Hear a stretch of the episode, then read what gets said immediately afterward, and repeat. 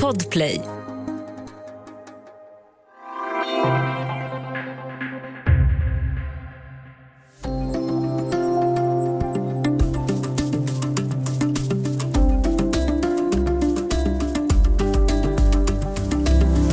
Totalförstörda hus, bilar och träd som flyter iväg med floden som svämmar över. Stränder som försvunnit i takt med stigande havsnivåer.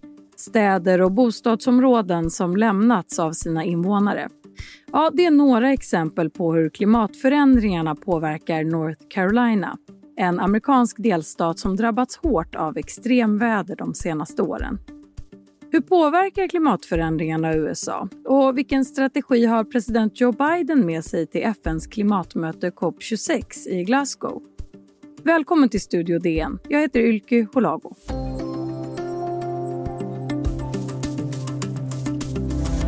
Lost everything. Uh, it came on so fast and then it left and the devastation it left was just unreal. And I do feel that climate change is some part of it because we've just destroyed the earth. Vi förlorade allt. Det kom så fort och sen försvann det och förstörelsen det lämnade efter sig var förkrossande. Klimatförändringarna är en del av förklaringen. Vi har förstört planeten. Ja, det berättar Sandy Ledford från Crusoe i North Carolina om stormen Fred som svepte fram i augusti i år. Med stormen kom också ett kraftigt regn som svämmade över traktens flod och förstörde Sandys hem. Och nu har jag med mig DNs USA-korrespondent Karin Eriksson. Hej! Hej. Du har ju tillsammans med vår fotografkollega Lotta Herdelin besökt North Carolina där ni intervjuade Sandy och gjorde ett reportage om hur delstaten drabbats av extremväder som kopplas till klimatförändringarna. Till att börja med, var ligger North Carolina? Ja, tvärt vad namnet antyder så ligger det ju faktiskt i södern, fast i norra delen av södern då, lite söder om där jag sitter nu i Washington. Man får åka genom Virginia som är en delstat och så kommer man till North Carolina.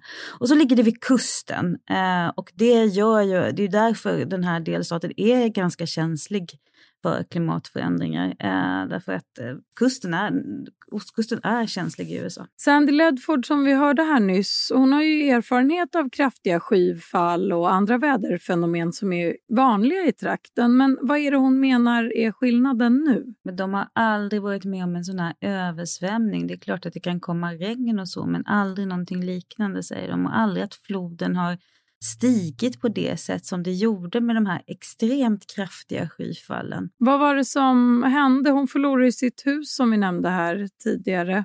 Ja, alltså, Sandy är ju en av många i den här lilla byn. Uppe i berg. Det här är ju inte vid kusten ska jag säga. Crusoe ligger uppe i bergstrakterna i västra North Carolina.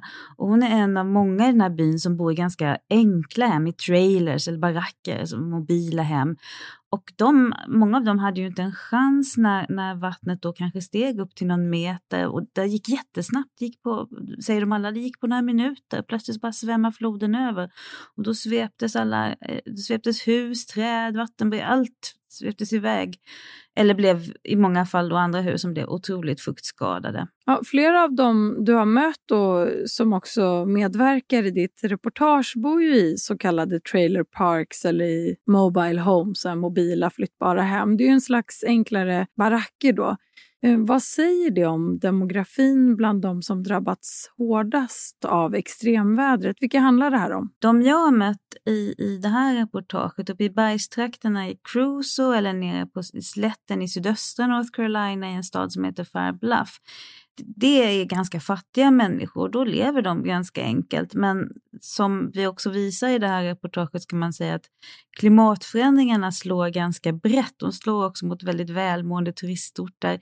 Skillnaden är väl hur man sen kan, kan försvara sig mot förändringarna och hur man kan, vad, vad man kan göra för att förebygga nya nya, eh, nya extrem, dagar av extremväder.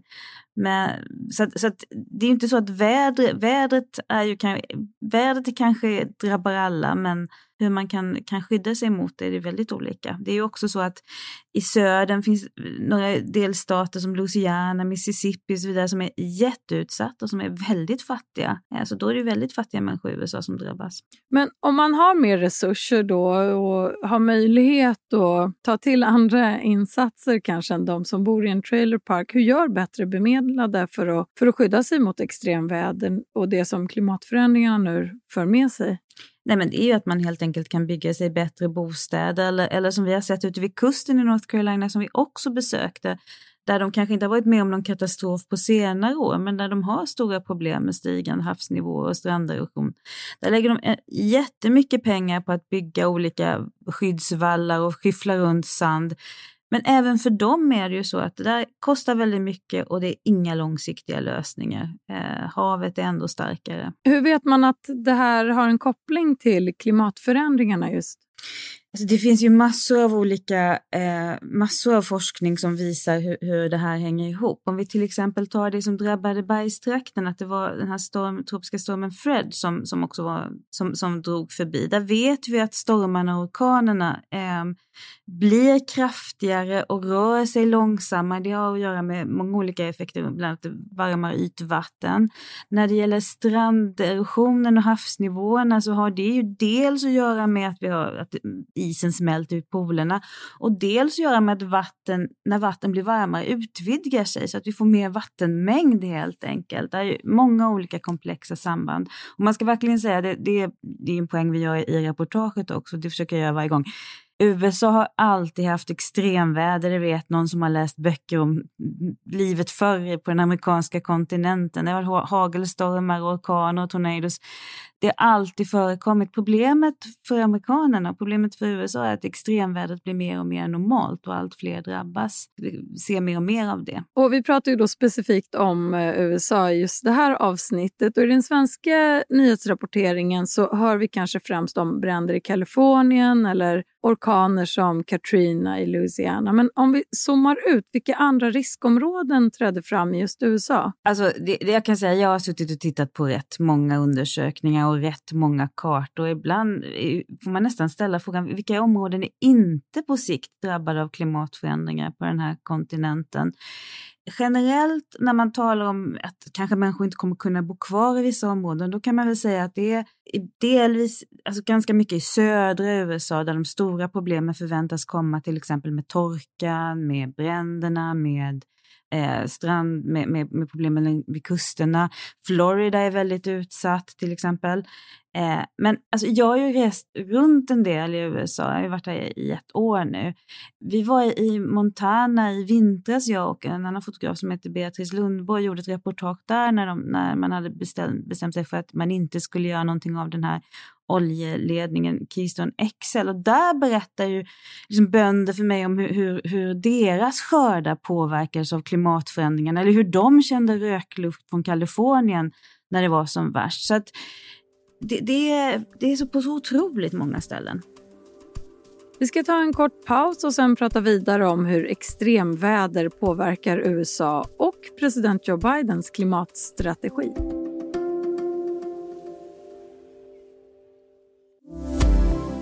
Uh, most of my neighbors are gone now. Nobody's around this right here but me. The house up there, the people staying in, they left. And this house over here, they left. And uh, the guy, the brick house over there, he he had just left right before the last flood came. He died, which nobody's been back in there. De flesta av mina grannar är borta. Huset där uppe är tomt. Grannarna omkring mig har flyttat. En av dem dog och ingen har tagit över huset. Ja, det här säger Randy Evans i staden Fair Bluff i North Carolina. Och Karin Eriksson, DNs USA-korrespondent, du träffade ju Randy Evans nyligen i hans hemstad och hans hemstad då, Fair Bluff, har på senare tid fått symbolisera klimatförändringarna i USA. Hur då? Därför att det här är en stad som kanske inte kan överleva eh, om utvecklingen fortsätter. det var precis som, som Randy så, så fint beskriver i, i det här in, ljudklippet vi hörde, Eh, så har väldigt många tvingats lämna stan och det är efter att två orkaner, först 2016 och sen 2018, slagit till och orsakat återigen då stora översvämningar. Eh, så att, och det, det, här, det här skulle varje, liksom, varje kommunalråd i en svensk landsbygdskommun vet ju vad som händer när folk flyttar. Då tappar man i skatteintäkter, man tappar bidrag. Så det här blir, påverkar en, en stad som Färblaf ekonomiskt väldigt mycket och det har gjort att de har haft väldigt svårt att komma igen. Så det som hände 2016 och 2018 i centrum är väldigt pittoresk Main Street i Fair Bluff, Den är bara helt övergiven. Alla butikerna är bara tomma. Det är, bara, ja, det är helt dött. Det är en liten spökstad kvar. Jättegullig liten liten spökstad, det är inga människor alls. Eh, och sen försöker de här människorna, det ska säga stadsledningen och så, de, de, får lite bidrag nu, de kommer igen, Randy har fått ett nytt hus, man höjer hus, man bygger dem, de får högre grunder, de hoppas ju, de säger vi ska absolut inte ge upp. Men det är svårt. De har, de har inte riktigt eh, råd och de har inte ett befolkningsunderlag. Och, och den, där, där har Färblaf blivit en symbol just för det här. När, när, när kommer den här platsen att vara värd att, att rädda? Och för vem är den värd att rädda? Och orkar folk utsätta sig för riskerna som det innebär att bo här? Hur låter mediedebatten om en plats som Fairbluff? I amerikanska medier. När en stor tidning som New York Times åker dit, då blir, då blir det ju förstås diskussioner. Vem ska man rädda? Det här kan man då ställa mot de här välbärgade turistorterna vid kusten som kan lägga ner så mycket pengar på att skyffla sand.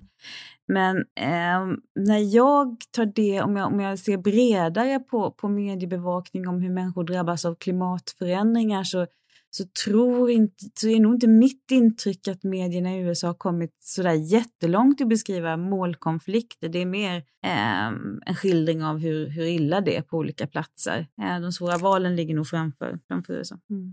Om vi tittar närmare på den politiska debatten om klimatfrågan i USA. Under president Donald Trump så utmärkte sig USA genom att kliva av Parisavtalet. Hur ser opinionsläget ut idag? Mm, det är en lite knepig fråga. Det är ju som precis, ingen, ingen blir överraskad när jag säger att det är polariserat i USA och att det finns ett motstånd mot åtgärder mot klimatförändringarna inom högern och att inom vänstern så finns det en mycket mer en stark oro för klimatförändringar och en önskan att göra någonting. Men skiljelinjerna är inte bara politiska i just den här frågan utan det är också en skillnad mellan generationer, mellan män och kvinnor, där kvinnor är, är mer oroliga än män.